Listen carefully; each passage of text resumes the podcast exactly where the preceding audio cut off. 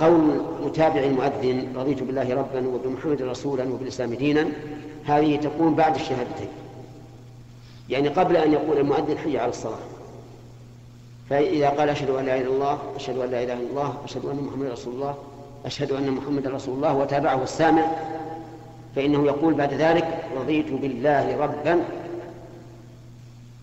مقابل أشهد أن لا إله إلا الله وبمحمد رسولا مقابل أشهد أن محمدا رسول الله وبالإسلام دينا مقابل الجملتين جميعا لأن الإسلام مبني على الإخلاص الذي يدل عليه أشهد أن لا إله إلا الله وعلى المتابعة التي يدل عليها قوله إيش؟